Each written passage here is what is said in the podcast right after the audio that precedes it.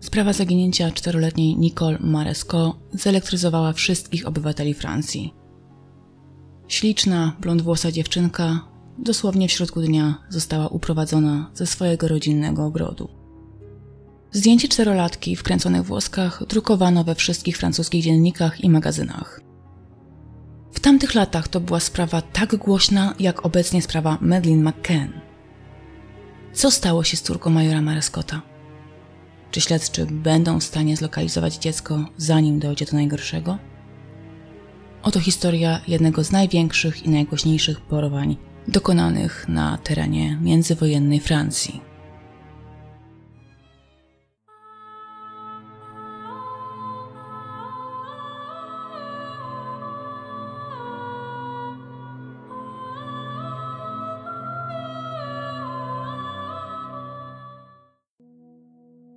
Niebywale bulwersująca sprawa była szeroko komentowana również w prasie polskiej, w prasie międzywojennej, ale jak to bywało z tymi sprawami zagranicznymi, no to niestety nasi dziennikarze wspominali o niej raczej dość pobieżnie. Ale w momencie, gdy dowiedziałam się o tej sprawie, to obiecałam sobie, że nie wiadomo co by się działo, to muszę ją wam opowiedzieć, nawet gdybym miała siedzieć w ręce ze słownikiem polsko-francuskim dzień w dzień. Co zresztą faktycznie miało miejsce, ale słownik zastąpił mi translator. Bo oczywiście na temat tej sprawy niemal wszystkie dostępne źródła, które obszernie relacjonowały chronologiczny przebieg wydarzeń, były pisane w języku francuskim. W tym miejscu, zanim przejdę do przedstawienia Wam, jak doszło do zaginięcia czteroletniej córki kapitana Marescota, to muszę podziękować mojej słuchaczce, która służyła mi pomocą przy tłumaczeniach. Mańka, dziękuję, jesteś wspaniała, naprawdę ułatwiłaś mi pracę. Chciałam Wam również powiedzieć, że część francuskich nazwisk spolszczę, ale to tylko po to, żeby łatwiej odmieniać gramatycznie nazwisko. Ponieważ była to jedna z najgłośniejszych spraw międzywojennej Francji, to też już na wstępie zaznaczam, że materiał będzie zawierał bardzo dużo zdjęć oraz map. I będą to zarówno mapy obecne, jak i mapy z tamtych czasów, zwykle nawet rysowane ręcznie. Jeżeli więc macie taką możliwość, to zalecam Wam, żebyście zapoznali się z materiałem wideo, który będzie dostępny na moim kanale na YouTubie, bowiem tym razem naprawdę tych fotografii jest ogrom, po prostu ogrom.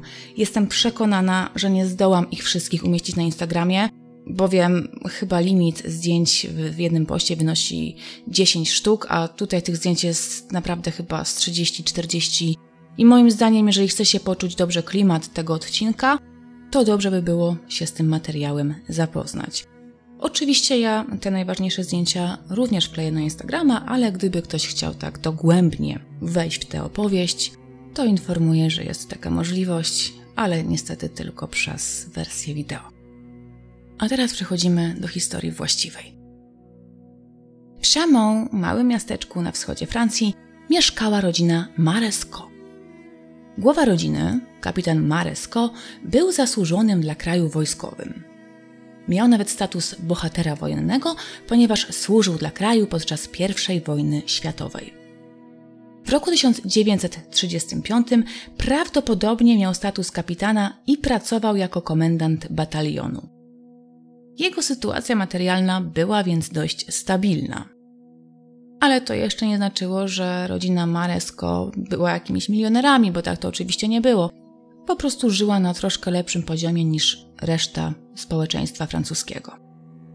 Maresko mieszkał w małym domku nieopodal rzeki Suisse. Zaledwie 100 metrów dalej kończyły się już zabudowania miejskie i zaczynał gęsty las. Miejsce dość urocze, ale wbrew pozorom nie aż tak odludne. Chamon było dość małym miastem, a przynajmniej takie były doniesienia prasowe z lat 30. ubiegłego wieku, więc muszę im uwierzyć. Ale ludzi kręcących się w okolicy lasu i w okolicy domu Maresko to jednak było dość sporo, ponieważ przechodziła tam mm, ścieżka, która była dość oblegana przez okoliczną ludność, ponieważ była to taka bardzo popularna trasa spacerowa. Na wycieczkę do Francji sobie pozwolić nie mogłam, ale udałam się na wirtualny spacer, I po dziś dzień te tereny, które leżą nad rzeką Swiss, są gęsto zalesione, a w głębi możemy nawet odnaleźć jakieś stare zabudowania, które w moim odczuciu zdecydowanie oddają klimat poprzedniej epoki. Gdyby więc ktoś chciał jeszcze mocniej wczuć się w ten klimat dawnych lat, to polecam zwiedzić dostępne internetowo ścieżki leśne, które właśnie przechodzą nieopodal rzeki Swiss, a tym leniwym zamieszczę tutaj kilka zdjęć, o ile nie zapomnę. Możemy więc przypuszczać, że właśnie w takim otoczeniu działa się dzisiejsza historia. Kapitan Maresco był mężczyzną szczęśliwie żonatym. On pracował jako komendant w batalionie, ona zajmowała się domem. Mareskotowie byli rodzicami czteroletniej Nicole, dziewczynki o wyglądzie aniołka o jasnych, kręconych włosach. Jak na razie było to jedyne dziecko pary, aczkolwiek wkrótce miało się to zmienić. Pani Maresko była bowiem w ciąży. Nie wiadomo, który to był dokładnie miesiąc, ale na pewno jej stan odmienny był już zauważalny. Ale też nie można powiedzieć, żeby rodziło już na dniach, więc Prawdopodobnie kobieta była gdzieś pomiędzy czwartym a szóstym miesiącem. 19 dzień kwietnia 1935 roku przypadał w piątek i to nie w byle jaki piątek. Był to bowiem tak zwany Wielki Piątek poprzedzający święta wielkanocne. Pani Maresko była zajęta przygotowaniami do świąt, a jej mąż był w pracy na służbie. Mała Nicole bawiła się sama w przydomowym ogrodzie. Wszystko biegło swoim rytmem, był wspaniały, piękny, słoneczny dzień. Pogoda dopisywała, a skoro pogoda dopisywała, to i na ścieżce było sporo ludzi. Nic nie zapowiadało nadchodzącej tragedii. Pomiędzy godziną 16 a 17 pani Maresko zauważyła, że jej córki nie ma w przydomowym ogrodzie. Najprawdopodobniej, bo jest jeszcze wersja, że została powiadomiona o tym fakcie przez sąsiadkę, ale tutaj niestety to nie jest do końca jasne.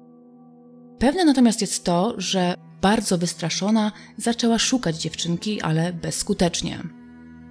I tutaj, zależnie od wersji, albo wcześniej, albo właśnie w tym momencie, pani Maresko dowiedziała się od sąsiadki, że pomiędzy godziną 15.45 a 16 na posesję Mareskotów wszedł młody mężczyzna o jasnych włosach, który zaczął rozmawiać z dziewczynką. Prawdopodobnie, jeżeli tutaj wierzyć doniesieniom, Sąsiadce udało się usłyszeć kawałek rozmowy przeprowadzonej pomiędzy dziewczynką a nieznajomym. Młody mężczyzna miał przekonywać Nicole, żeby ta nie bała się z nim iść. Gdzie? Nie wiadomo. Na pewno nieznajomy obiecywał czterolatce, że kupi jej czekoladki, a jej mama nie będzie się gniewała, kiedy ta na chwilę tylko odejdzie z ogrodu. Podobno nawet mężczyzna pieszczotliwie zwracał się do Nicole, nazywając ją małym kociątkiem. Kiedy czterolatka uległa, chwyciła nieznajomego za rękę, po czym oboje poszli w kierunku lasu świętego Rocha. Pani Lego, czyli wspomniana sąsiadka, zapamiętała nawet, że młodzieniec był ubrany w szary garnitur, a jego włosy były zaczesane do tyłu, dzięki czemu żandarmi mogli zawęzić swój krąg poszukiwań. Matka dziewczynki szybko podniosła alarm, a do domu wezwano komendanta Mareskota. Z uwagi na status mężczyzny, przypominam, był on naprawdę poważnym wojskowym, bardzo szybko zarządzono wzmożone poszukiwania na pobliskich terenach leśnych. Do akcji bardzo szybko wezwano całą żandarmerię, całe wojsko, wszyscy mundurowi w mieście nie robili nic innego, tylko szukali dziewczynki. Lasy przeczesywane były przez ogromną liczbę osób. Dlatego też szanse na odnalezienie dziewczynki żywej były naprawdę spore. Trzeba było jednak działać szybko, bowiem w okolicy domu płynęła rzeka Suisse, w której czterolatka bez problemu mogłaby się utopić. Oczywiście sama rzeka była w tym momencie najmniejszym zagrożeniem dla dziewczynki. Największe niebezpieczeństwo mogło ją czekać ze strony nieznajomego mężczyzny, który podstępem wyprowadził dziewczynkę do lasu. Znalazło się dwóch kolejnych świadków, którzy pomiędzy godziną 15 a godziną 16 widzieli młodego, ubranego na szaro mężczyznę, kręcącego się w okolicy domu państwa Maresko. Był to pan Dime, o ile dobrze pamiętam, to murarz pracujący dla Maresco, który około godziny 15 widział młodego mężczyznę, właśnie ubranego na szaro, ukrywającego się za drzewami w pobliżu posiadłości Maresco. Drugim świadkiem był niejaki Pierre Jean, ale kto to był, to już tak nie za bardzo pamiętam, nie jest to jakoś wyjątkowo istotne. W każdym razie na pewno tych dwóch panów w okolicy widziało podejrzanego mężczyznę, który pasował do rysopisu podanego przez sąsiadkę rodziny Maresko. Co równie ważne, żadna z tych osób nie była ze sobą związana, więc ich zeznania można było uznać za wiarygodne.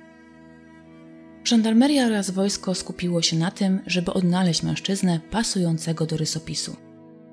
O godzinie 18.15 jeden z żandarmów napotkał na swojej drodze młodzieńca w berecie ubranego na szaro.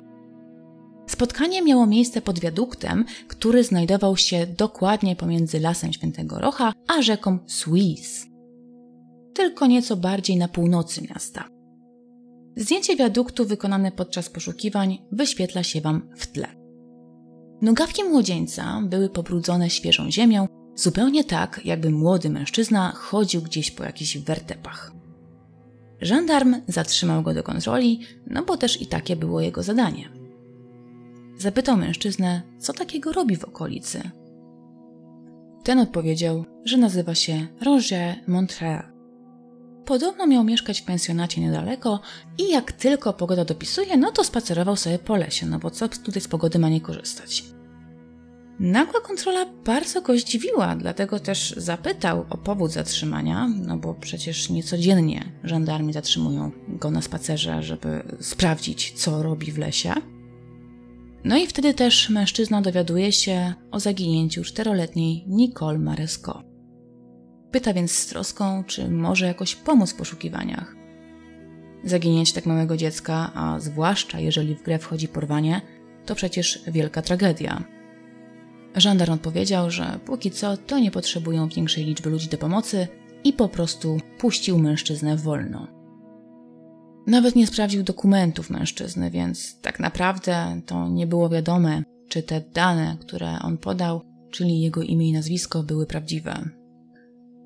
Żandarm wrócił do swoich zwierzchników i poinformował ich o tym, że dosłownie przed chwilą napotkał młodego Rogera Montre, ubranego na szaro młodzieńca, w berecie, więc tak do końca to nie wie, czy miał on jasne włosy, tak jak poszukiwany mężczyzna, no ale ubiór się zgadzał.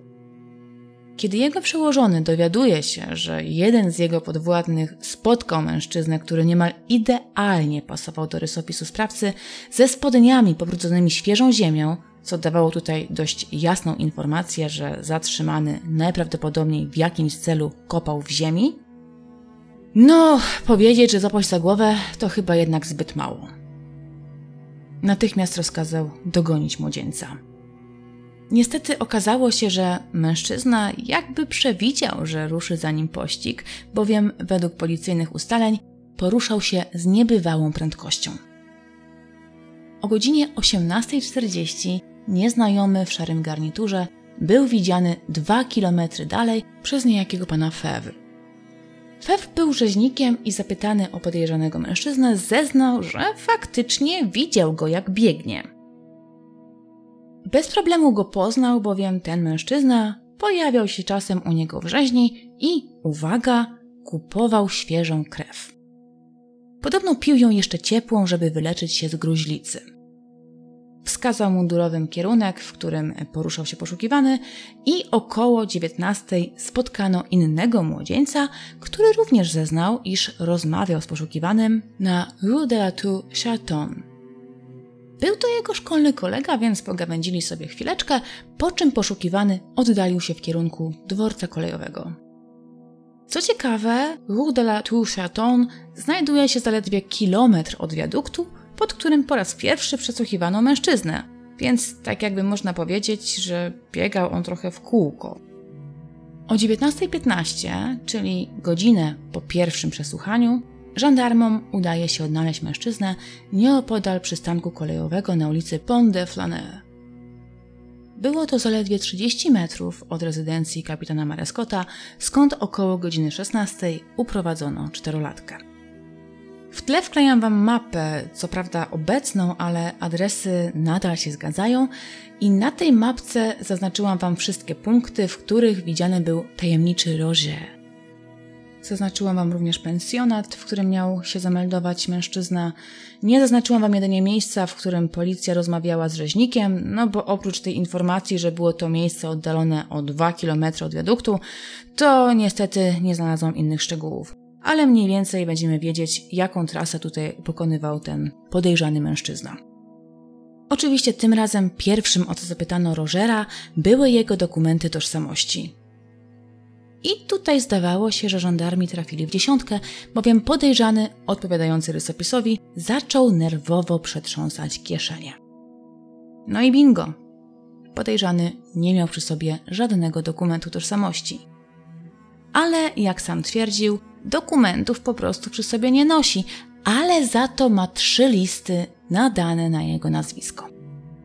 I faktycznie, Adresatem korespondencji był niejaki Roger Montier. Zgadzał się również adres hotelu, którego nazwę wymienił mężczyzna. Ponieważ były to czasy, kiedy faktycznie dokumentów raczej przy sobie nie noszono, to też policja wstępnie przyjęła, że te dane personalne podane przez mężczyznę są prawdziwe. Ale ponieważ jednocześnie zgadzał się on z rysopisem podanym przez świadków uprowadzenia, to też żandarmi nie mogli tak po prostu pozwolić mu odejść. Młodzieniec został okazany trzem świadkom w celu weryfikacji, czy to aby nie ten właściwy człowiek odszedł za rękę z małą Nicole. No i tutaj sprawa się nieco komplikuje. Żaden ze świadków nie był stuprocentowo pewny, że to zatrzymany mężczyzna jest poszukiwanym porywaczem. Niby ubiór się zgadza, wiek niby też, ale tutaj jeden ze świadków stwierdził, że mężczyzna, który odszedł z małą Nicole, był bardziej barczysty. Inny tam coś przebąkiwał, że tamten mężczyzna miał całą czerwoną twarz, a ten jest taki jakiś blady. A pani Lego, czyli sąsiadka Mareskotów, kręciła nosem, twierdząc, że mężczyzna, którego widziała, wydawał jej się wyższy niż ten tutaj, a poza tym to ona nie za bardzo mu się przyglądała, bo skupiła się na córeczce sąsiadów. W takich okolicznościach żandarmi jedynie pouczyli mężczyznę i poprosili, by zgłosił się na najbliższy posterunek, jeżeli tylko będzie miał jakieś istotne informacje, które być może pomogą w odnalezieniu porwanej czterolatki. Przeproszono go również za to zamieszanie i poinformowano, że może iść wolno. Tajemniczy Roger wykazał zrozumienie dla sprawy, po czym wolnym krokiem udał się w stronę Routivo Baision. Tam też miał mieścić się jego pensjonat. Powoli zapadał zmrok. Żandarmeria straciła tylko czas na gonitwę za niezwiązanym ze sprawą mężczyzną, a poszukiwania małej Nicole stały w miejscu. Ale czy aby na pewno? Noc z piątku na sobotę upłynęła śledczym na przesłuchiwaniu reszty świadków. Jak być może pamiętacie, wspomniałam Wam wcześniej, że Roże był widziany przez pewnego rzeźnika oraz kolegę ze szkoły. To właśnie dzięki nim żandarmerii udało się dogonić podejrzanego mężczyznę. Ale kiedy wezwano ich na przesłuchanie na komisariacie, to mężczyźni z całą stanowczością stwierdzili, że ten mężczyzna wcale się nie nazywa Roger Montrey. Ten mężczyzna nazywa się Gabriel Sokle. Sokle zataił swoje prawdziwe personalia, jednak podany przez niego adres zamieszkania jak najbardziej był prawdziwy. Mężczyzna wynajmował pokój w pensjonacie przy Rue d'Ivo Baision. Dokładniej mówiąc to Rue d'Ivo Baision 15. Przybytek ten prowadziła niejaka pani Meterier. Kiedy dziesięciu funkcjonariuszy otoczyło pensjonat w celu aresztowania pana Sokle, Madame Meterier zdziwiona odparła, że ich wysiłki są tutaj bezcelowe. Jej gość, przynajmniej ten, którego oni poszukiwali, opuścił pokój przed dziesięcioma minutami i udał się na miasto. Czemu aż tak bardzo przyłożono się do opławy na Sokle, to też nie do końca wiadomo, ale być może policja uznała, że jeżeli mężczyzna pasuje do rysopisu i przy okazji posługuje się fałszywym nazwiskiem, no to jest już tutaj wystarczająco mocno podejrzany. Chociaż Sokle nie było w pokoju, to Madame Métayer okazała się ważnym dla śledztwa świadkiem. Przyznała, że Gabriel Sokle mieszka u niej od 2 marca. Do pensjonatu przyprowadziła go jego matka i to właśnie ona wynajęła dla swojego syna pokój. Nie do końca wiadomo dlaczego, ale Sokle otrzymywał korespondencję na nazwisko Montré. Właścicielka pensjonatu jakoś nie wnikała w to, dlaczego mężczyzna próbuje ukryć swoją prawdziwą tożsamość. Prawdopodobnie, bo oczywiście były tu inne źródła, które mówiły, że początkowo nie chciała przyjmować tej korespondencji, ale już tutaj sobie nie wchodźmy w takie drobne szczegóły. Ostatecznie ta korespondencja przychodziła do niego na fałszywe nazwisko, czyli na nazwisko Montreux, ale pani Meterie jakoś zgadzała się na to, żeby e, te korespondencje przyjmować. Być może też dlatego, że Sokle nie był uciążliwym lokatorem. Według pani Meterie to był raczej typem zamkniętego w sobie, małomównego i spokojnego młodego mężczyzny. Madame Meteyer potwierdziła również, że Sokle wrócił wczoraj do pensjonatu około godziny 21 i już do rana nie wychodził z pokoju. Dziś, zanim wyszedł na miasto, palił jakieś dokumenty czy też inne rzeczy, bowiem właścicielka też nie wypytywała, co tam takiego pali, oczywiście. Natomiast zainteresowała się, czy wszystko w porządku, bowiem było tego dość sporo, a dym był taki, że w pewnym momencie kobieta nawet obawiała się, że Sokle po prostu puści jej przybytek z dymem. Tutaj też chciałabym zaznaczyć, że nie do końca jestem pewna, czy pani Meteye prowadziła pensjonat, bowiem tutaj naprawdę te źródła francuskie niewiele różnią się od naszych polskich, bo i tam te źródła bardzo odbiegają od siebie. Być może też dlatego, że bazowałam na wielu magazynach takich jak nasz polski tajny detektyw, tylko wersja francuska, więc też tutaj chciałam zaznaczyć, że może się zdarzyć, że przypadkiem gdzieś tam powiem coś nie tak i to nie będą dane stuprocentowo prawdziwe, Natomiast myślę, że to będą jednak już takie małe detale, na które nie musimy się za bardzo oglądać. Ale pojawiała się taka informacja, że y, pani Meteye wcale nie prowadziła pensjonatu, tylko hotel Dussault, jeszcze w innym artykule mogliśmy się dowiedzieć, że Sokle najpierw mieszkał w hotelu Dusa, a później dopiero właśnie w okolicy 2-3 marca przeprowadził się do przybytku Madame Meteye. Ale to jest taki galimatias, że nie chciałam się w to bardzo zagłębiać. W każdym razie u pani Meteye już od jakiegoś czasu sobie mieszkał i mieszkał dosyć szczęśliwie tak naprawdę informuję Was o tej rozbieżności chyba z czystego kronikarskiego obowiązku, żeby mieć czyste sumienie. Nie wiadomo skąd, być może właśnie od Madame Meteye, żandarmi dowiadują się, że podejrzany Sokle udał się do oddalonego od pensjonatu o około 200 metrów szynku czy też tawerny Aupe Auguste, czyli tak mówiąc po naszemu do karczmy ojca Augusta. Mężczyzna, widząc zbliżających się stróży prawa, z uśmiechem zapytał, czy są jakieś postępy w śledztwie. Ale ani się spostrzegł, a jego ręce zostały zakute w kajdanki. Na nic zdały się jego tłumaczenia, że nazywa się Roger Montré i jest przykładnym francuskim obywatelem. Żandarmeria już wiedziała, że jest to stek bzdur, a aresztowany Sokle jest ich głównym podejrzanym. Można by sobie pomyśleć, co ta policja się wzięła na człowieka. Przecież przeciwko niemu nie było żadnych wiążących dowodów. Ot, tyle, że to był też facet, który był młody i był ubrany na szaro. Francuska żandarmeria była jednak przekonana, że trafiła na odpowiedniego człowieka. Zwłaszcza kiedy zaczęła wychodzić na jaw, że Gabriel Sokle już od jakiegoś czasu zachowywał się podejrzanie. Podobno na przełomie lutego i marca 1935 roku Gabriel zaczepił młodą dziewczynkę, która miała 4 latka i pogłaskał ją po głowie i pocałował. No, niby nic takiego zdrożnego, ale też źródła nie precyzują, jaki to był pocałunek, ale jaki by nie był, no to takie zachowanie obcego mężczyzny w stosunku do dziecka raczej nie jest zbyt taktowne i akceptowane przez społeczeństwo. I tak samo miało być właśnie w tym przypadku. Zachowanie Socle miało wywołać mały skandal i dlatego też Gabriel przeniósł się z hotelu Dussault do przybytku Madame Métayer. O ile oczywiście ta wersja o tych dwóch miejscach zameldowania jest prawdziwa. No ale przyjmijmy sobie, że tak, no bo ma to nawet jakiś sens. Sokle, który zwrócił na siebie uwagę i to niekoniecznie w dobrym tego słowa znaczeniu, postanowił usunąć się w cień i wynająć pokój w innym miejscu.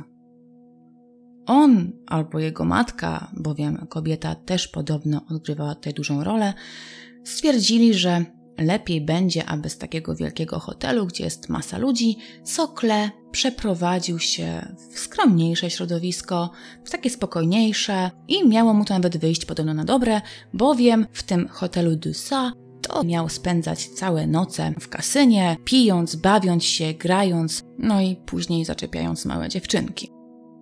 Więc może jak będzie trzymany z dala od alkoholu i rozrywkowego trybu życia, to nagle zacznie zachowywać się bardziej przykładnie. Ale tak się wcale nie stało.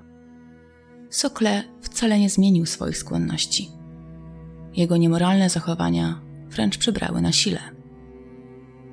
16 marca na komisariacie stawił się pan w chemii, składając takie oto zawiadomienie. Tutaj będzie cytat. Zeszłej nocy w korytarzu domu, w którym mieszkam przy Rue des Chouets, osoba ubrana na szaro rzuciła się na moją ośmioletnią córkę Ginette. Mężczyzna dał jej sześć pensów, prosząc, by poszła za nim do sąsiedniego budynku. Dziecko uciekło. Nie był to jednorazowy atak. Następnego dnia rano, czyli w dniu, w którym Fremi zgłosił się na komisariat, dokładnie ten sam osobnik nagabywał jego córkę ponownie. Tym razem proponował cukierki, całował i próbował się rozbierać. Sytuacja miała miejsce w tym samym korytarzu co uprzednio. Szczęśliwie ktoś pojawił się przed sionku i spłoszył mężczyznę. Nie wiadomo było, kim był tajemniczy mężczyzna, jednak podobieństwo do Sokle było uderzające. Zarówno Sokle, jak i tajemniczy napastnik to byli młodzi mężczyźni ubrani na szaro. Dokładnie tak samo jak mężczyzna, który uprowadził małą Nicole Maesko. Mało? No to idziemy dalej, bowiem takich poszlak świadczących na niekorzyść aresztowanego było dużo więcej. 17 marca Sokle został przyłapany na próbie zwabienia nieletniej Marguerite Durand do kina w niewiadomym celu. Wiek dziewczynki tutaj nie jest znany, ale wiadomo, że ktoś na szczęście tutaj w porę zareagował i mała Marguerite wróciła do swoich opiekunów cała i zdrowa. Prawdopodobnie dziewczynka mogła mieć gdzieś pomiędzy czwartym a ósmym rokiem życia, bo to właśnie takie dziewczynki zazwyczaj wybierał sobie Sokle. 28 marca udało mu się skusić cukierkami siedmioletnią TSPO, Prawdopodobnie Sokle chciał wyprowadzić ją gdzieś za miasto, ale mała Teres wróciła do Sokle w towarzystwie swojej koleżanki ze szkoły. A tego mężczyzna się nie spodziewał. Nie wiadomo, czy to wprawiło Gabriela w zakłopotanie, ale ostatecznie mężczyzna odprowadził obie dziewczynki z powrotem do domu. Pomiędzy 4 a 6 kwietnia Sokle nagabywał kolejną dziewczynkę. Ginette Royer. Gabriel miał namawiać dziewczynkę, żeby ta poszła z nim zbierać kwiatki. Na swoje szczęście dziewczynka odmówiła, bo wiele wskazywało na to, że Sokle już co najmniej od miesiąca próbował dokonać uprowadzenia dziecka, jak widzicie zresztą. Na szczęście dla tych wszystkich małych dziewczynek było to bezskuteczne. Niestety, tego samego najprawdopodobniej nie można było powiedzieć o Nicole, bo Wszyscy podejrzewali, że to właśnie ona była pierwszą ofiarą, którą Sokle wyprowadził w odludne miejsce. A przynajmniej wszystko na to wskazywało, chociaż Sokle wypierał się winy. Na komisariat, w którym osadzono aresztowanego Sokle, sprowadzono wszystkie te dziewczynki, które miały styczność z mężczyzną. Każda z tych dziewczynek rozpoznała w Sokle nieznajomego, który oferował im cukierki.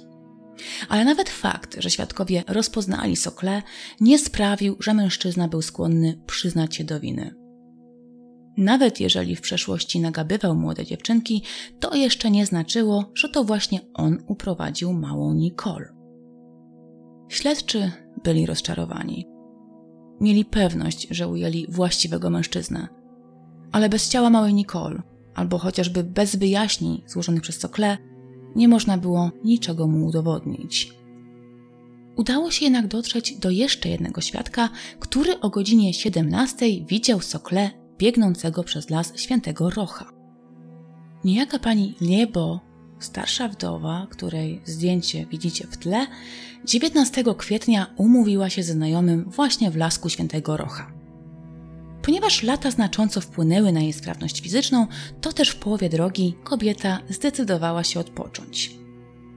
Przysiadła na kamieniu w zaroślach, gdzie sama nie rzucała się w oczy, ale jednocześnie miała dość dobry widok na ścieżkę.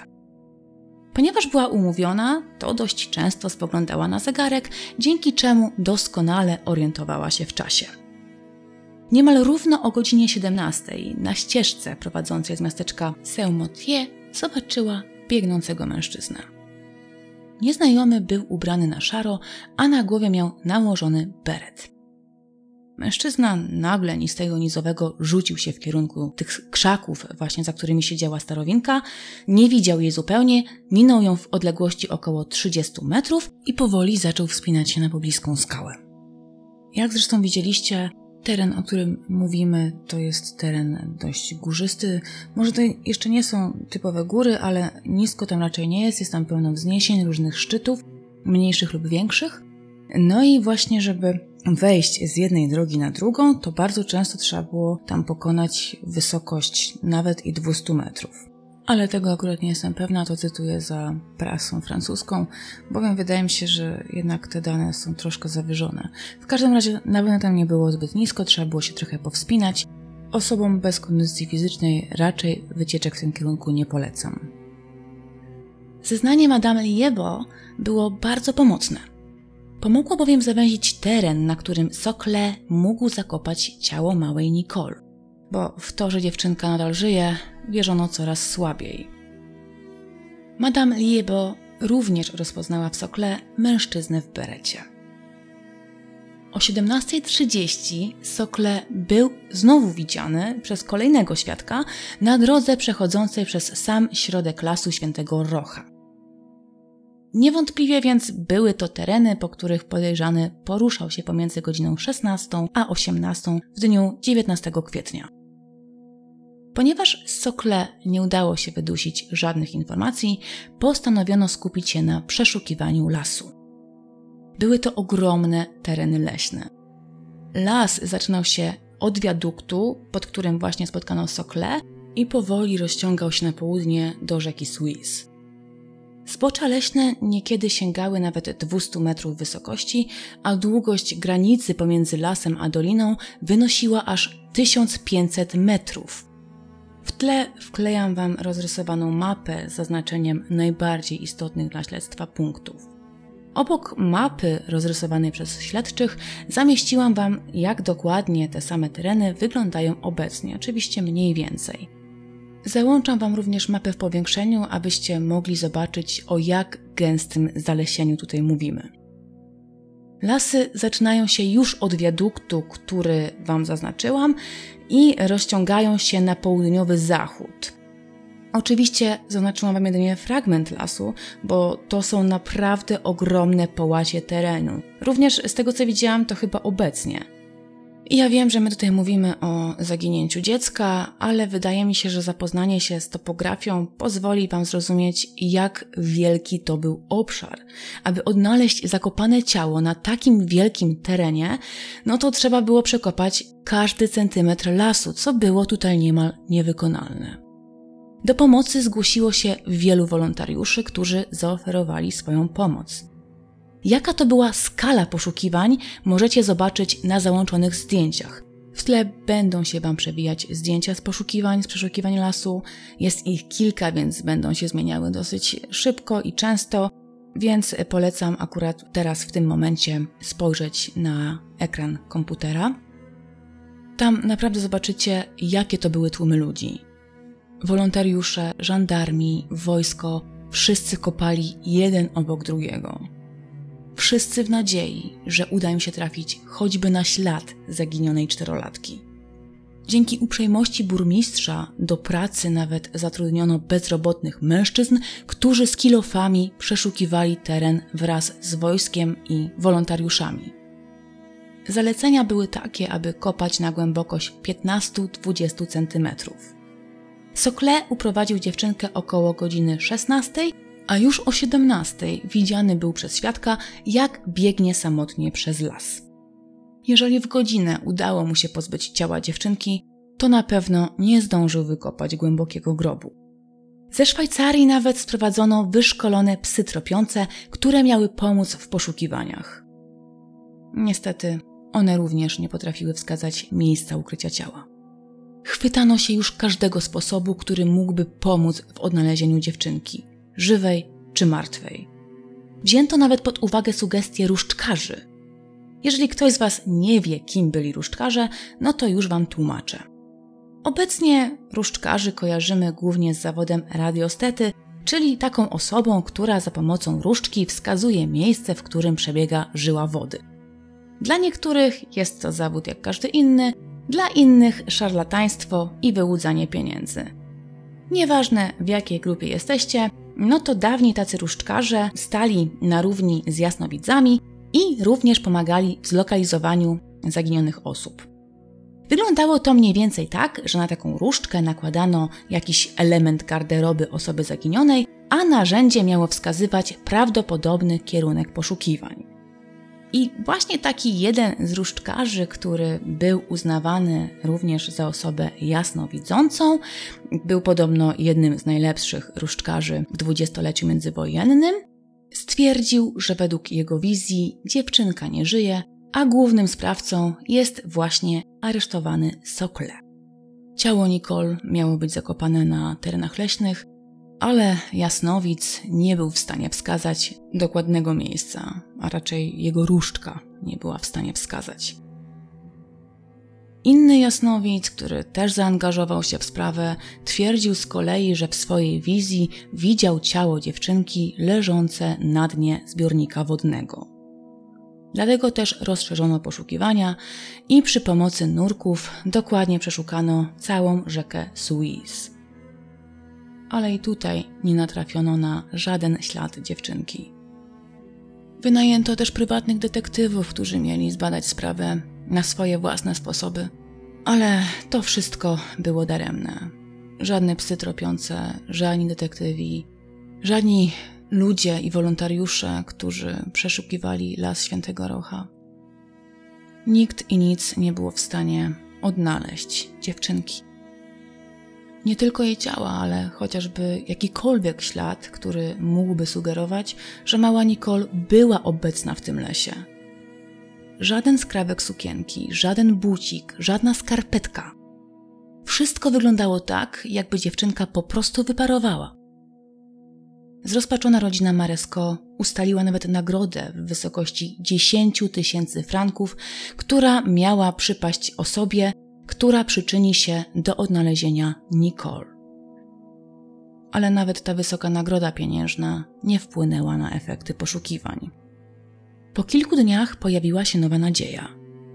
Tutaj zaznaczam, że te informacje posiadam z prasy amerykańskiej, więc też nie jestem taka do końca pewna, czy jest ona prawdziwa, ale Wam ją przytoczę, bowiem była ona w tej prasie amerykańskiej przedrukowywana w co najmniej kilku różnych wydaniach. No bo oczywiście ta sprawa, tak jak Wam wspominałam, była naprawdę głośna i relacjonowano ją praktycznie w każdym kraju europejskim oraz, jak widzicie, również w mediach za oceanem. Do pani Maresko miał trafić pewien tajemniczy list. Nadawca tego listu twierdził, że wie, kto stoi za porwaniem małej Nicole, ponieważ sam w tym porwaniu uczestniczył. Według jego słów, główną pomysłodawczynią napadu była jego była żona. W tym celu kobieta miała wynająć dwóch mężczyzn do pomocy. Po uprowadzeniu dziewczynki, które stało się wyjątkowo głośne, włosy Nicole przefarbowano na kolor kasztanowy, tak aby nikt przypadkiem tutaj nie rozpoznał w dziecku zaginionej dziewczynki. Mężczyzna, który podpisał się imieniem Pie, twierdził, że usłyszawszy historię Maresko, poczuł ogromną skruchę, a sama dziewczynka, ta mała czteroletnia Nicole, skradła jego serce.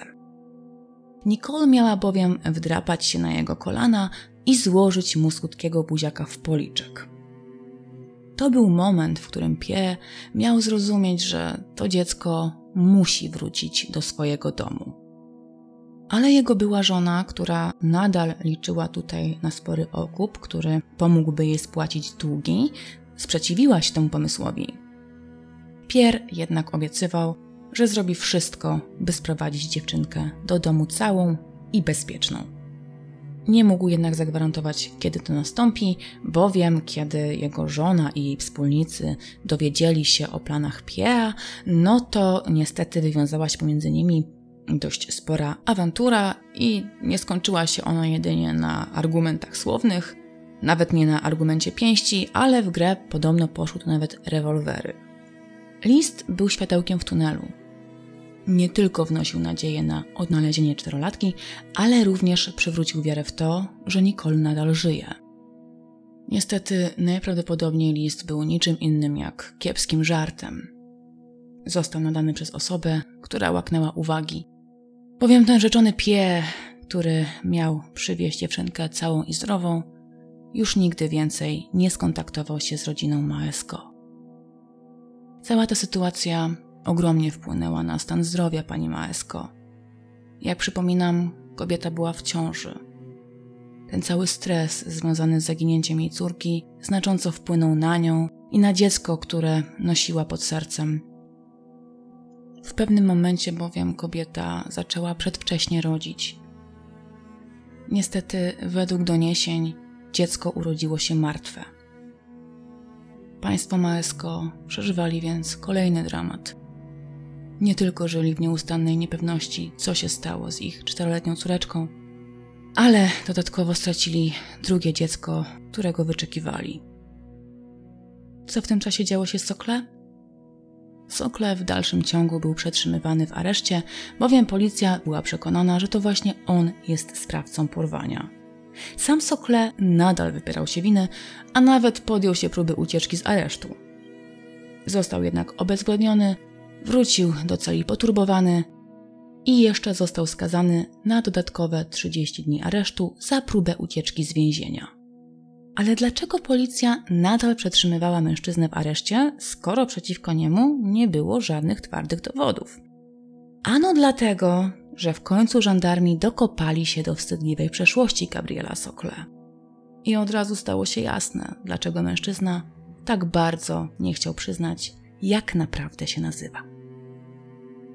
Zanim tutaj przejdę do opisu życiorysu Sokle, to wszystkich tych, którzy są wyjątkowo mocno wyczuleni na krzywdę dzieci, uprzedzam, że opis może być dla Was wyjątkowo szokujący. Dlatego, jeżeli ten temat jest dla Ciebie wyjątkowo wrażliwy, to zalecam przesunięcie materiału o jakieś 5 minut do przodu. Gabriel Soclet urodził się w Dijon. Było to miasto oddalone o niecałe 100 km od Chemin. Swoją kryminalną karierę miał rozpocząć jako bardzo młody chłopak. Miał bowiem dopiero 16 lub 17 lat, kiedy zaczął dopuszczać się czynów lubieżnych. Jego pierwszą ofiarą padła mała Simone. Tutaj wiek dziewczynki również nie jest znany, ale tak jak wspominałam, prawdopodobnie nie przekroczyła ona 8 lat. Mężczyzna, a właściwie to jeszcze nastolatek, zwabił dziecko do toalety, gdzie w brutalny sposób wykorzystał ją seksualnie. Po akcie wręczył dziewczynce cztery pensy i prosił, by ta nie wspominała o niczym swojej matce. Simon nie posłuchała i od razu zwierzyła się swojemu ojcu z tego, co zaszło.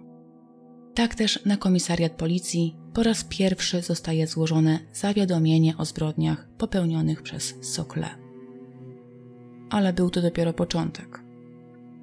Chłopak, jako osoba nieletnia, doskonale zdawał sobie sprawę, że francuskie prawo jest bardzo pobłażliwe do osób nieletnich i zupełnie nie przejmował się konsekwencjami. Po ulicach chodził ze sztucznym, doklejonym wąsem i polował dalej.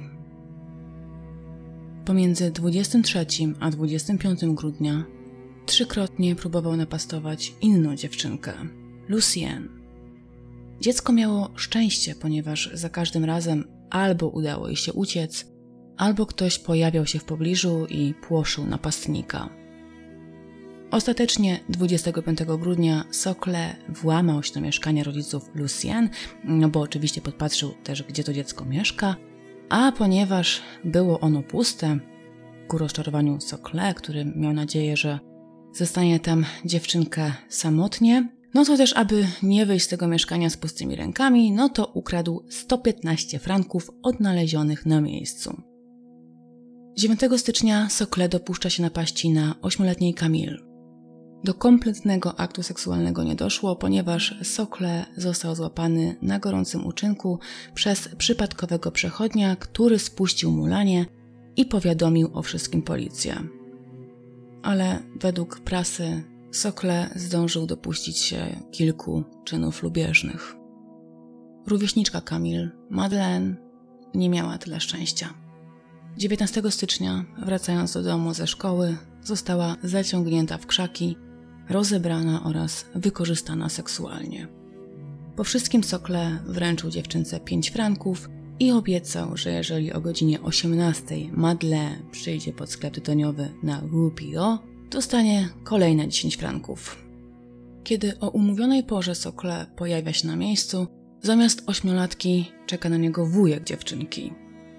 Madle, która zapłakana wróciła do domu, opowiedziała wujkowi całą historię, pokazując zakrwawioną bieliznę. Mężczyzna nie namyślał się długo. Uzyskawszy rysopis sprawcy, już przed osiemnastą wyczekiwał nastolatka pod sklepem. Kiedy Sokle, jak gdyby nigdy nic, zjawił się na miejscu, rozwścieczony mężczyzna pobił siedemnastolatka i zaprowadził na najbliższy komisariat. Tak Sokle po raz pierwszy trafił za kratki. To znaczy była to wersja bardzo skrócona, bowiem nie chciałam tutaj się zagłębiać za bardzo w detale czynów lubieżnych, jakich dopuszczał się Sokle, ponieważ naprawdę, wierzcie mi, one były obrzydliwe. Ale myślę, że już nawet taka mała dawka pozwoli Wam zobrazować sobie, przez jakie piekło musiały przejść dzieci, które miały styczność z Sokle. Co dość bulwersujące, 17-letni Sokle za cztery napaści na tle seksualnym na małoletnich poniżej 15 roku życia miał zostać skazany na dożywotnie więzienie i przymusowe roboty. Miał. To jest niestety słowo, które jest tutaj bardzo trafne, niestety, bowiem Sokle nie zostaje skazany. Jego obrońca, odwołując się na jego niepełnoletność, prosi o litościwy wyrok.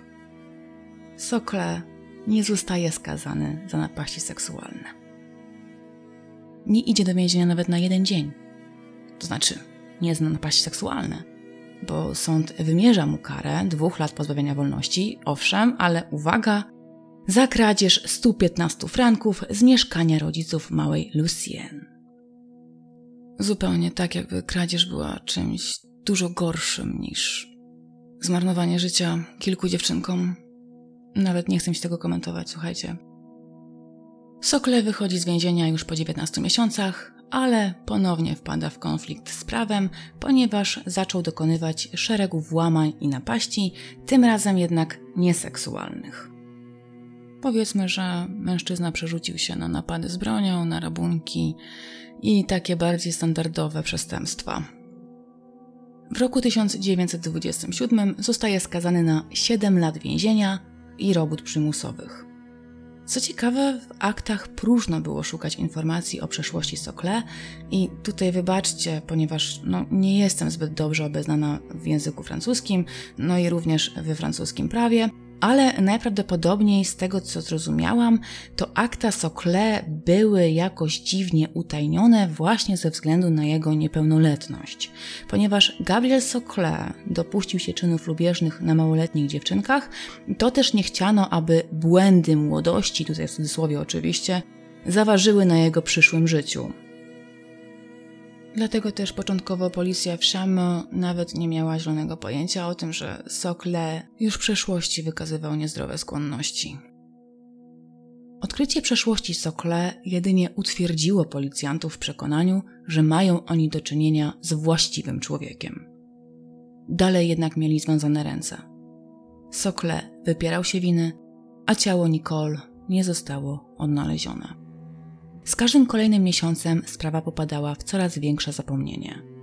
Policja skupiła się na aktualnych przestępstwach, poniekąd godząc się już z tym, że tajemnica porwania małej Nicole nigdy nie zostanie rozwiązana. Jedną osobą, poza rodzicami zaginionej dziewczynki oczywiście, która nadal poświęcała swój czas dla sprawy, był komisarz Sudra. Sudra dokładnie analizował zeznania wszystkich świadków. Skrupulatnie pozaznaczał na mapie, gdzie i o której godzinie widziany był Sokle. Pani Libo widziała, jak Sokle biegnie samotnie o godzinie 17. To znaczyło, że o tej godzinie mała Nicole najprawdopodobniej już nie żyła. Ale to też nie znaczyło, że jej ciało musiało być już ukryte. Sokle uciekał z lasu o godzinie 17. Jeżeli ciało Nicole byłoby w tym momencie zakopane, to mężczyzna mógł spokojnie oddalić się z miejsca zdarzenia i uniknąć spotkania z policją. Byłoby to bardziej rozważne, nie uważacie? On jednak wrócił na miejsce i po godzinie 18 został zauważony przy wiadukcie. Może Sokle, orientując się, jakie poruszenie wywołało zaginięcie Nicole, postanowił wrócić do lasu i zakopać ciało? Jeśli tak właśnie było, to by znaczyło, że ciało dziewczynki najprawdopodobniej zakopane jest gdzieś w pobliżu wiaduktu. Uwagę Sudra przykuły grunty, które należały do niejakiego pana o nazwisku Monfils. Monfils był rolnikiem i jednocześnie właścicielem pól, łąk i kawałka lasu, które leżały u podnóża wiaduktu. Jego ziemia ciągnęła się aż do rzeki Suisse. Był to teren prywatny, aczkolwiek ogólnodostępny. Niewykluczone, że to właśnie tutaj Sokle postanowił zakopać ciało. A przynajmniej tak sądził Sudra.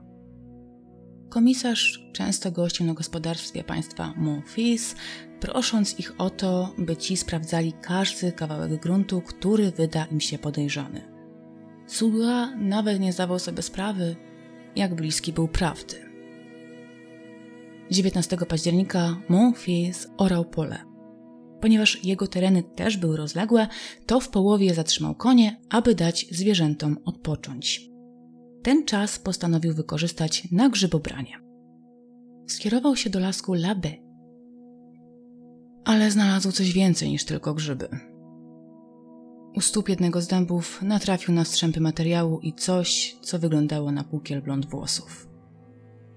Monfils natychmiast przypomniał sobie prośbę komisarza Pobiegł do domu i powiadomił żonę o swoim odkryciu. Kobieta szybko wsiadła na rower i jak najszybciej pojechała na pobliski posterunek. Prawdopodobnie bowiem odnalazł on ciało zaginionej Nicole, a przynajmniej resztki ciała. Kiedy policja przybyła na miejsce, zapadał już zmrok. Widoczność w lesie była ograniczona. Przy pomocy latarek funkcjonariuszom udało się dotrzeć na miejsce wskazane przez Monfils. Zobaczywszy pukiel blond włosów, komisarz zadecydował, że przeszukiwania będą kontynuowane jutro rano, kiedy wstanie słońce i widoczność będzie lepsza. Na miejscu pozostawiono dwóch funkcjonariuszy, którzy mieli przypilnować, by przez noc nikt nie zbliżał się do ciała.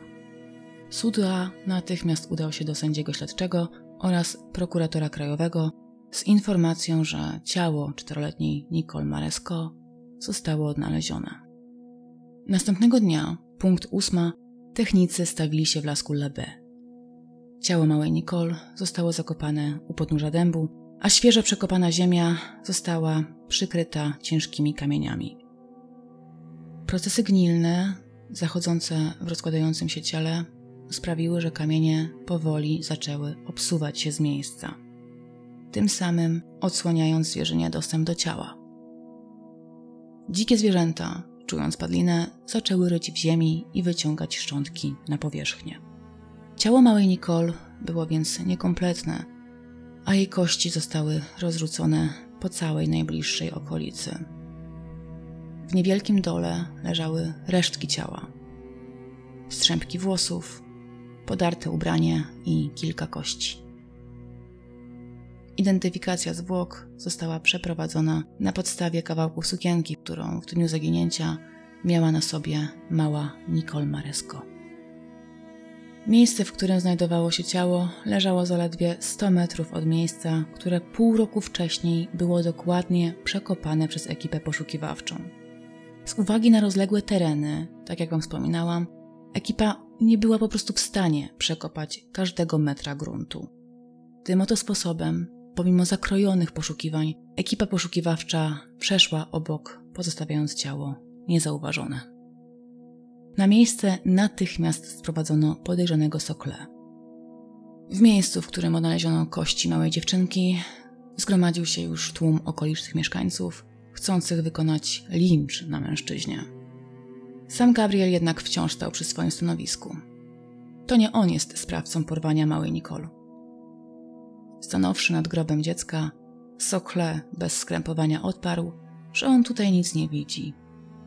Kiedy śledczy odrzucili kamienie na bok, tak by mężczyzna mógł dobrze przyjrzeć się kościom, Sokle cynicznie stwierdził, tutaj cytat, a kto mi udowodni, że to kości małej Nicole?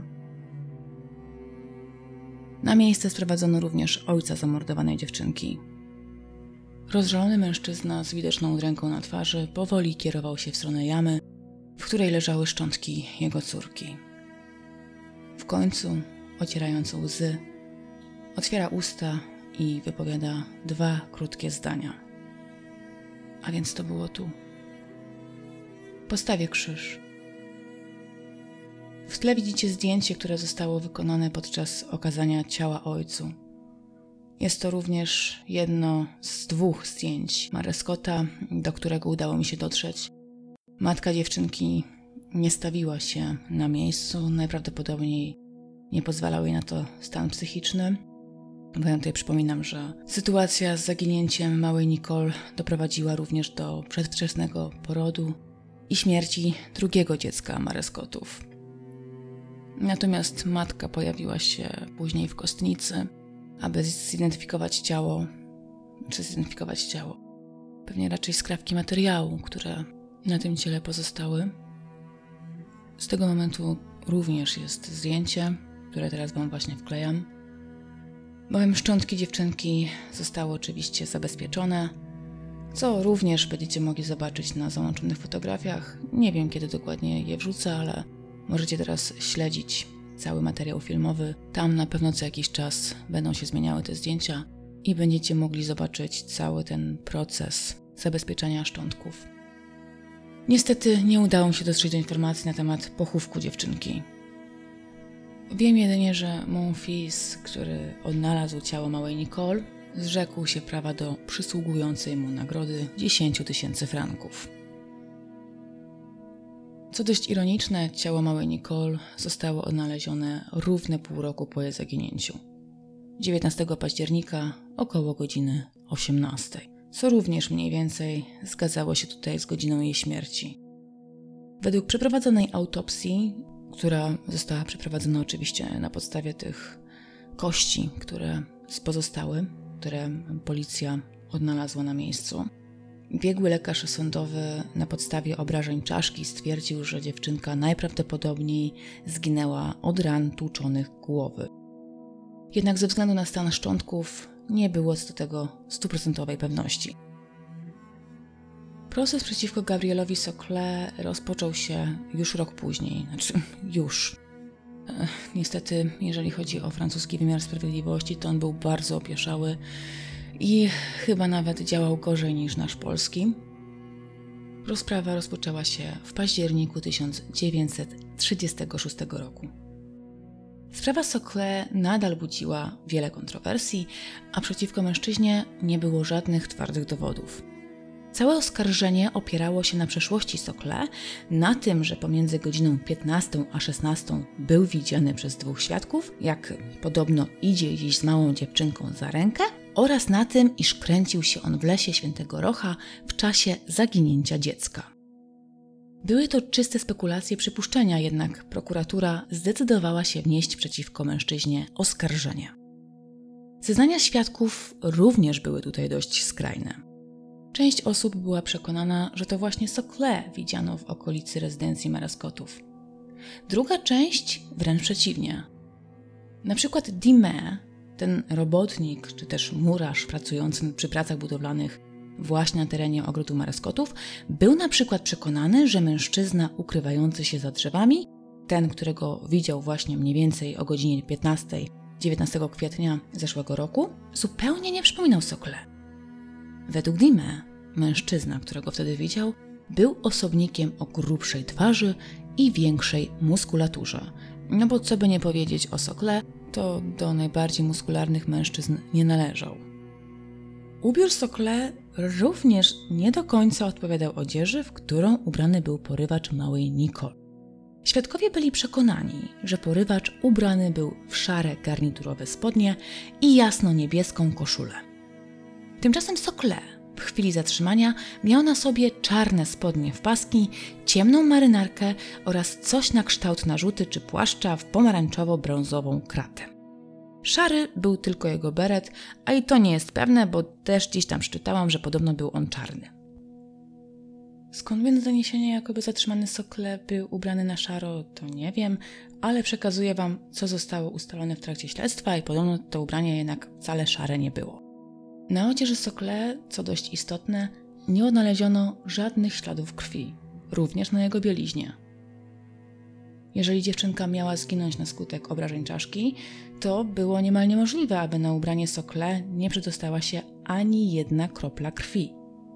Dodatkowo na dziedzińcu Mareskotów w dniu uprowadzenia małej Nicole śledczy odnaleźli ślad gumowych butów, to znaczy może nie tyle buty były gumowe, co podeszwa miała być gumowa. Założono, że ślad został pozostawiony przez porywacza, bo to właśnie mniej więcej w tym miejscu Dime miał widzieć tego rzekomego mężczyznę, który ukrywał się gdzieś między drzewami. Odcisk nie pasował jednak do Gabriela Sokla. Ani nie posiadał on butów o gumowym podbiciu, ani też nie był to jego rozmiar. Dowody te świadczyły na korzyść Sokle. Jednak mamy wystarczająco dużo informacji, aby rozłożyć te wszystkie dowody na czynniki pierwsze. Odcisk buta wcale nie musiał należeć do Sokle. Pamiętajmy, że na terenie ogrodu Mareskotów toczyły się prace budowlane, a to znaczyło, że był to obszar, po którym chodziło wielu pracowników budowlanych. Szanse na to, że odcisk buta należał do któregoś z nich, były więc spore. Co prawda nie wiem, jakie wtedy buty nosili robotnicy, murarze i budowlańcy, ale jeżeli prace odbywały się w ogrodzie, to niewykluczone, że faktycznie nosili oni buty z podbiciem gumowym. Argument dotyczący odzieży Sokole, czyli tego, że te jego spodnie i koszula nie pasowały do koloru, który miał mieć na sobie mężczyzna, który odszedł z małą Nicole, również można było łatwo podważyć. Pamiętajmy, że około godziny 17 Sokle był widziany przez panią Liebo, jak ucieka z lasu Świętego Rocha. Kobieta była przekonana, że uciekający mężczyzna był ubrany na szaro i pamiętajmy, rozpoznała w tym mężczyźnie Sokle. Jedna z teorii zakładała, że w tym czasie Sokle miał udać się do swojego pokoju hotelowego, a zrobił to dlatego, aby pobiec sobie po łopatę, która by mu ułatwiła zakopanie ciała. Gdyby jego ubranie było zabrudzone krwią, co oczywiście było niewykluczone, no to mężczyzna najprawdopodobniej mógł to odzienie zmienić u siebie w pokoju, co by się nie rzucać w oczy. Potem, jak gdyby nigdy nic, wrócił na miejsce zbrodni, żeby zakopać ciało małej Nicole. Czy mogło tak być? Oczywiście, że mogło. Co prawda nie wiem, czy właścicielka pensjonatu widziała Sokle po godzinie 17. Nie odnalazłam na ten temat żadnej informacji, ale też pamiętajmy, że Madame Meteye zeznała, że 20 kwietnia nad ranem Sokle palił jakieś dokumenty. Najprawdopodobniej dokumenty, bowiem dym miał być tak gęsty, że zaalarmował właścicielkę pensjonatu. Czy Sokle mógł wtedy palić zakrwawione ubranie? Była taka ewentualność. Sam Sokle cały czas wypierał się winy, składał swoje wyjaśnienia i z dokładnością opisał, co podobno robił 19 kwietnia. I tutaj Wam przytoczę relację przekazaną przez oskarżonego. Co prawda, Sokle jak twierdził, faktycznie był w okolicy ogrodu Mareskotów, gdzie też miał oglądać przejeżdżające samochody i motocykle. Był bowiem fanem motoryzacji. Ale po godzinie 15, około 15.30, oddalił się w kierunku miasta. O godzinie 15.45, czyli w momencie porwania małej Nicole, Sokle miał siedzieć przy stoliku w barze Modee. Na potwierdzenie swoich słów, Sokle powiedział, że w kącie sali siedziało wtedy dwóch lub trzech wojskowych. Co ciekawe, kelnerzy obecni na miejscu potwierdzają, że wspomniani żołnierze faktycznie tego dnia i o tej właśnie godzinie siedzieli przy stoliku wskazanym przez Sokle. Ale żaden z kelnerów nie pamiętał, by Gabriel Sokle był ich klientem. Skąd więc mężczyzna miał wiedzę na temat tego, co działo się w lokalu? Czy możliwe, że faktycznie był tam obecny, jednocześnie nie zostając zapamiętanym przez zatrudniony personel? Sokle również dokładnie opisał trasę swojego spaceru, opisując z detalami każdą mijaną przez siebie witrynę sklepową.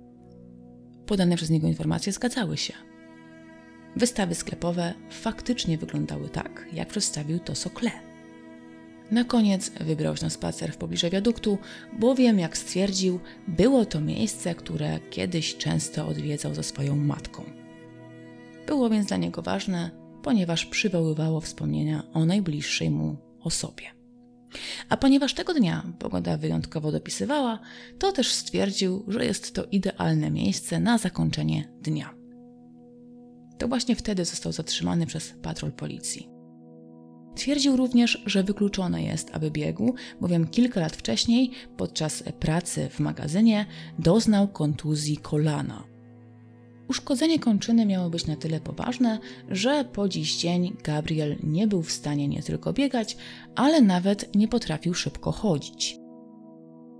Sokle podnosił wielokrotnie, że sądzony jest tutaj za zbrodnię, której nie popełnił, a wszyscy uznają go za winnego jedynie poprzez jego błędy młodości. Tak dokładnie Sokle nazwał molestowanie kilkuletnich dziewczynek. Dziewczynek, którym pewnie zapewnił traumę na całe życie błędy młodości. Gabriel cały czas twierdził, że te błędy były wynikiem jego młodego wieku, a czas, który spędził w więzieniu, uświadomił mu, jak bardzo pobłądził i pozwolił mu wrócić na ścieżkę moralności. Próbował przekonać ławę przysięgłych, że został pomylony z osobnikiem, który miał być do niego bardzo podobny wizualnie.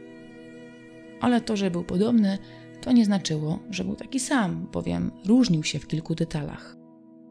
Obaj mieli mieć włosy w jasnym kolorze, natomiast Sokle nosił włosy zaczesane na bok, a widziany osobnik miał mieć włosy zaczesane do tyłu. Różnił się również ich ubiór.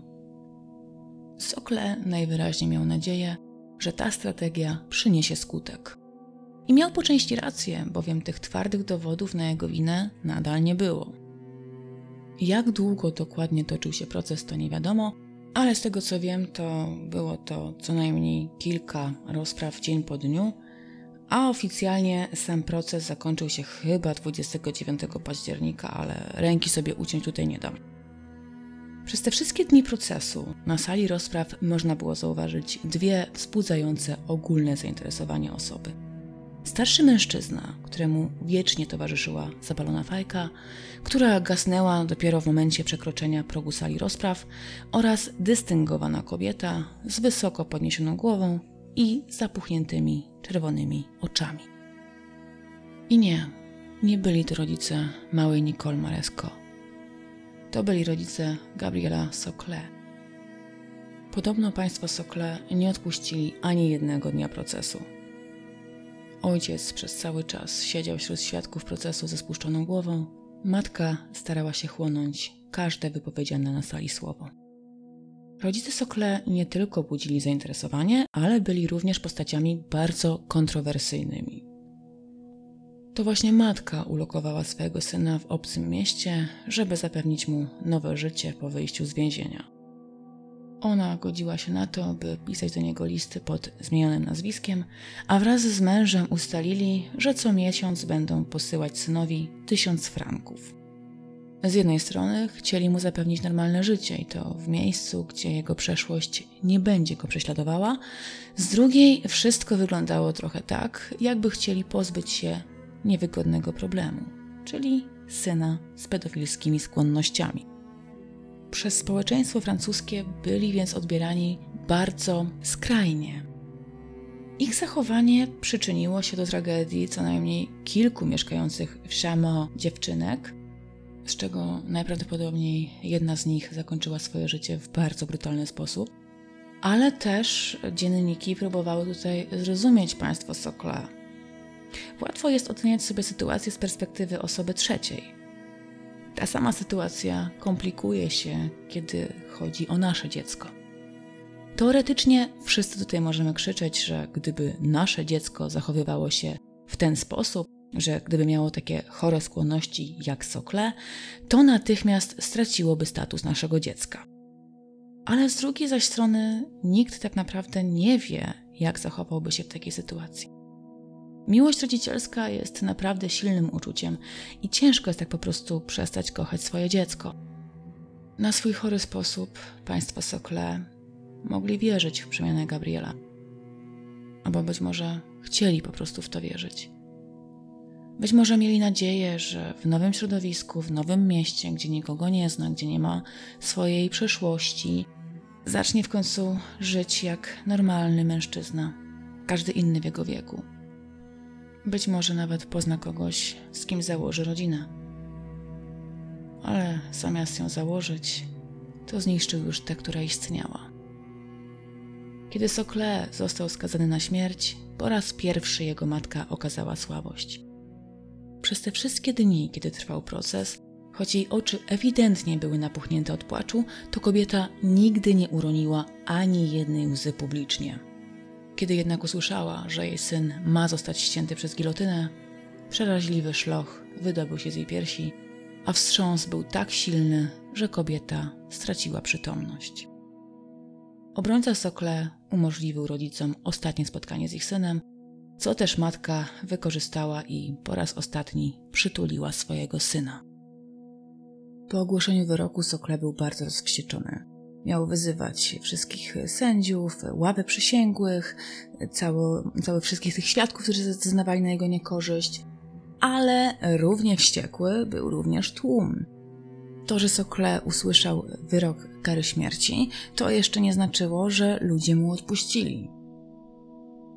Kiedy wszyscy już powoli wychodzili z gmachu sądowego, to właśnie ten rozwścieczony tłum rzucił się na rodziców Sokle. To była zbrodnia, która bardzo poruszyła francuskie społeczeństwo. Ludzie wręcz domagali się, by władze udostępniły im skazanego mężczyznę, a oni sami bez zbędnych formalności wymierzą mu sprawiedliwość, czyli karę śmierci. Obawiano się nawet, że konwój odwożący Sokle, ten, który miał go odwieźć z sądu do więzienia, zostanie jakoś siłą zatrzymany, a ten wściekły tłum, szturmen, dostanie się do środka i wyciągnie Sokle na zewnątrz. A wszyscy doskonale wiedzieli, że żywy z tego już nie wyjdzie. Nawet obrońca Sokle miał otrzymywać listy z pogróżkami. Mężczyźnie grożono śmiercią, jeżeli ten wybroni Sokle od wyroku skazującego. Możecie więc sobie tutaj wyobrazić, jak bardzo Francuzi przeżywali historię małej Nicole. Ostatecznie rodzicom Sokle udało się uciec. Co prawda, niczemu oni nie byli winni, ale tłum był tutaj wściekły. Najprawdopodobniej za to, że okazywali swojemu synowi nadal miłość i wsparcie kiedy cały naród francuski go nienawidził.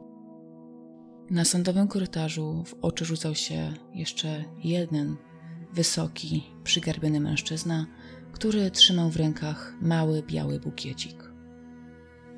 Był to ojciec Nicole, major Maresco, który zapowiedział, że prosto z sądu chce pojechać w miejsce, w którym odnaleziono szczątki jego córki. Stąd też bukiecik w jego rękach. Kwiaty miały spocząć na pomniku, który postawiono pod starym dębem. Miejsce, w którym przez pół roku spoczywało ciało dziewczynki, stało się miejscem pielgrzymek wszystkich okolicznych mieszkańców. Jeżeli uważacie tutaj, że to jest piękny gest, który miał uczcić jej pamięć, to już spieszę Was skorygować. Na pierwszy rzut oka faktycznie może to tak wyglądać, natomiast im dalej w las, tym niestety ciemniej. Zbrodnia Nicole Maesko szybko stała się lokalną atrakcją. Kupcy zaczęli sprzedawać pocztówki z podobizną małej Nicole, a samochody, które przejeżdżały obok pomnika, zwalniały tylko po to, by popatrzeć z daleka na to sławne miejsce zbrodni. Tragiczna historia małej, czteroletniej dziewczynki powoli stawała się po prostu atrakcją turystyczną. Co jest okropne, smutne. I w sumie zastanawia mnie, czy ten pomnik do tej pory istnieje. Jeżeli ktoś z Was mieszka na terenie Francji, akurat w pobliżu Chameau, albo też ma w planach odwiedzić Francję, no bo nadal przecież jeszcze trwają wakacje i być może chciałby to zweryfikować, to byłabym wdzięczna za informację. Zamieszczam Wam również mapę, co prawda ręcznie rysowaną, ale jest tutaj zaznaczona mniej więcej dokładna lokalizacja miejsca, w którym zostało odkryte ciało małej Nicole. Jeżeli tutaj też myślicie, że sprawiedliwości stało się zadość, no bo przecież Sokle został skazany na śmierć, to też muszę Was rozczarować. To niestety nie jest koniec tej historii. Obrońca Sokle złożył wniosek kasacyjny, który o dziwo został uwzględniony. Okazało się, że podczas rozprawy zaszły jakieś nieprawidłowości formalne, ale wybaczcie mi, nie zagłębiałam się już tutaj w jakieś detale, no bo mój francuski do najlepszych nie należy, a też nie chciałam tutaj za bardzo wykorzystywać Mańki, która oferowała swoją pomoc. Na pewno efekt był tutaj taki, że sprawa Sokle miała zostać rozpatrzona raz jeszcze. Tym razem proces ruszył w lutym 1937 roku. Z interesujących nowości to podczas rozprawy został poruszony wątek tajemniczego sobowtóra Sokle. Dlaczego? Ano dlatego, że pojawiła się tutaj postać mężczyzny, który napadł na jubilera w mieście Chameau i był to niejaki Fedel. Fedel był podobno bardzo podobny do Sokle, wręcz można powiedzieć, że łudząco podobny, co też miało być argumentem potwierdzającym, że Sokle faktycznie mógł paść ofiarą sobowtóra. Obrona Sokle wezwała nawet wspomnianego Fedel na rozprawę tak, aby okazać mężczyznę ławie przysięgłych, to też miało niby zasiać takie ziarenko niepewności w składzie sędziowskim. No i faktycznie podobno lekka niepewność wśród tłumu się pojawiła. Nie wiem, czy ten Fedel przyznał się do zbrodni, chyba raczej nie, no bo inaczej to on by był sądzony. Natomiast zgodził się pokazać w sądzie i faktycznie był dość do Sokle podobny. Wspominam Wam o tym w sumie chyba tylko po to, żeby pokazać Wam wszystkie argumenty, które przemawiały tutaj y, za winą Sokle, jak i te, które wskazywały na jego niewinność, bo ostatecznie chyba nic z tej sprawy nie wyniknęło. To znaczy, nic nie wyniknęło z tego okazania pana Fede. Oczywiście Sokle nadal twierdził, że jest niewinny, a Madame Maresco, matka Nicole, była oburzona, że morderca jej córki wciąż nie został stracony. To tak w bardzo dużym skrócie, ale pozwólcie, że nie będę Wam opowiadała tych wszystkich nudnych szczegółów z sali rozpraw, tym bardziej, że to wszystko było pisane w języku francuskim, więc nie chcę tutaj narobić jakichś błędów. Ostatecznie Gabriel Sokle po raz kolejny został skazany, jednak tym razem wyrok śmierci nie został zasądzony. Prawdopodobnie właśnie głównie ze względu na tą lekką niepewność zasianą przez wspomnianego pana Fedel. No bo Anusz Widelec okaże się po latach, że Sokle faktycznie był niewinny, no a łatwiej jest wypuścić niewinnego człowieka z więzienia, niż wykopać go z grobu. Znaczy, wykopać można, ale raczej nic już z tego nie będzie. No i skandal też byłby dużo mniejszy, gdyby okazało się, że niewinnie skazany człowiek nadal żyje, a nie został stracony. Tutaj przypominam też y, głośną sprawę Jakubowskiego, którą opowiadałam Wam chyba niecały rok temu. Jeżeli ktoś nie słuchał, to polecam. Pomimo tego, że Sokle ocalił swoje życie, to on był ewidentnie niezadowolony z tego werdyktu. Zaczął wrzeszczeć, zaczął wymachiwać rękami. Powinna wam też nawet wkleić zdjęcie z sali rozpraw po ogłoszeniu werdyktu. I będziecie widzieć tam mimikę twarzy Sokle. Co prawda nie jesteśmy w stanie domyślić się, co on tam wrzeszczał, natomiast ewidentnie widać po jego gestykulacji i po jego e, mimice, że do najbardziej szczęśliwych w tym momencie jednak nie należał. Sokle podobno twierdził, że jest niewinny i że wciąż będzie dążył do tego, by swoją niewinność udowodnić. Dlatego ten wyrok dożywotniego e, więzienia, tych dożywotnich robót, nie był dla niego zadowalający, chociaż, tak jak wspomniałam, życie ocalił. A skoro Sokle został skazany na dożywotnie roboty przymusowe, no to też musiał trafić do więzienia. Ze względu na zbrodnie, które się dopuścił, był umieszczany najniżej w hierarchii więziennej.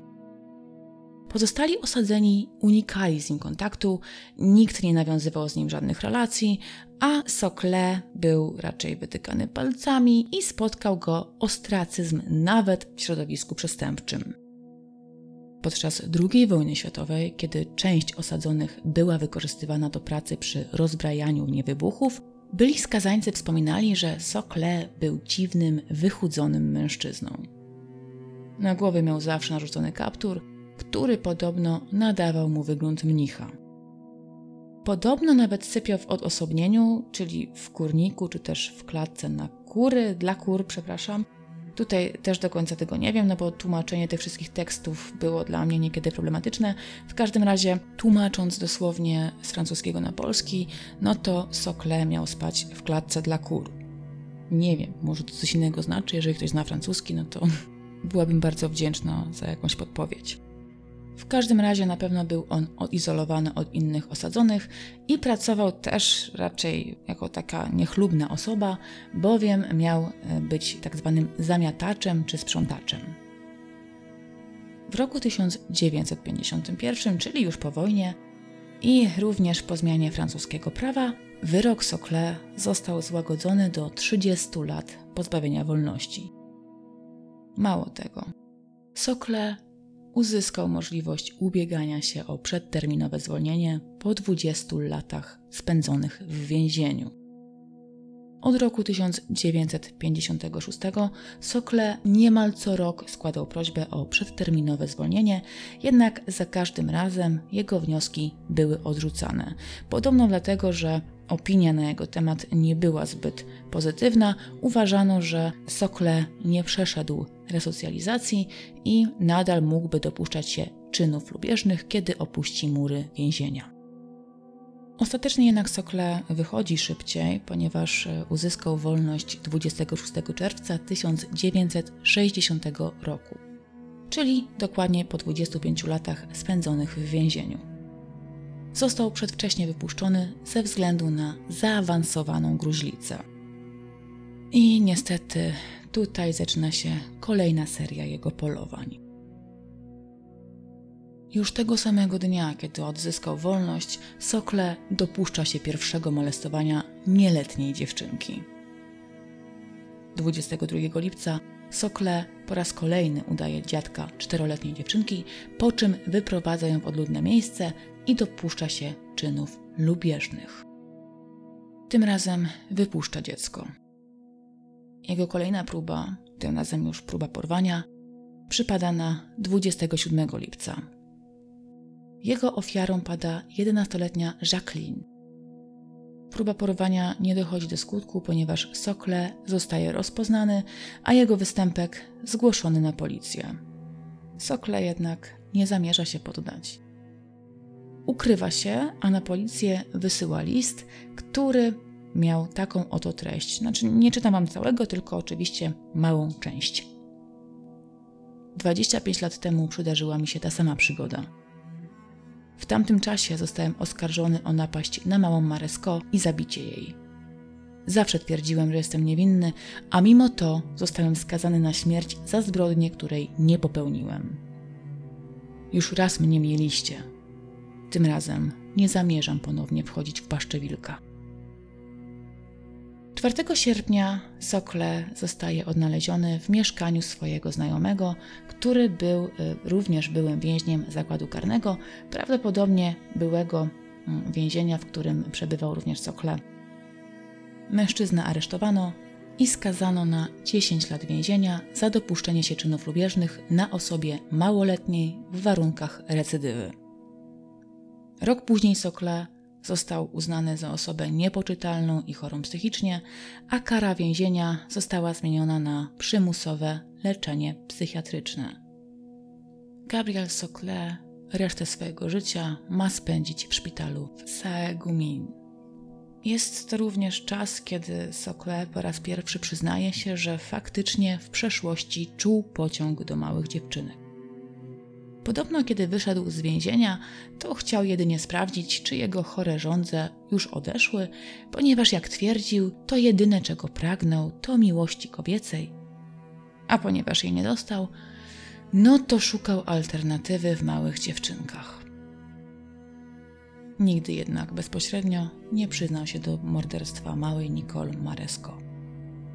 Dziesięć lat później Sokle ucieka ze szpitala psychiatrycznego, używając starego jak świat numeru. W swoim łóżku umieszcza manekina, a sam w środku nocy przeskakuje przez ogrodzenie. Sokle udaje się do Disią, do swojej siostry, gdzie już tydzień później zostaje ujęty. Został rozpoznany przez swojego współpracownika, bowiem Sokle zdążył już nawet znaleźć sobie pracę. Ostatecznie Gabriel Sokle wrócił do ośrodka, gdzie dożył 73 lat. Zmarł 29 czerwca 1981 roku. Do końca swego życia twierdził, że jest niewinny. Czy faktycznie był niewinny?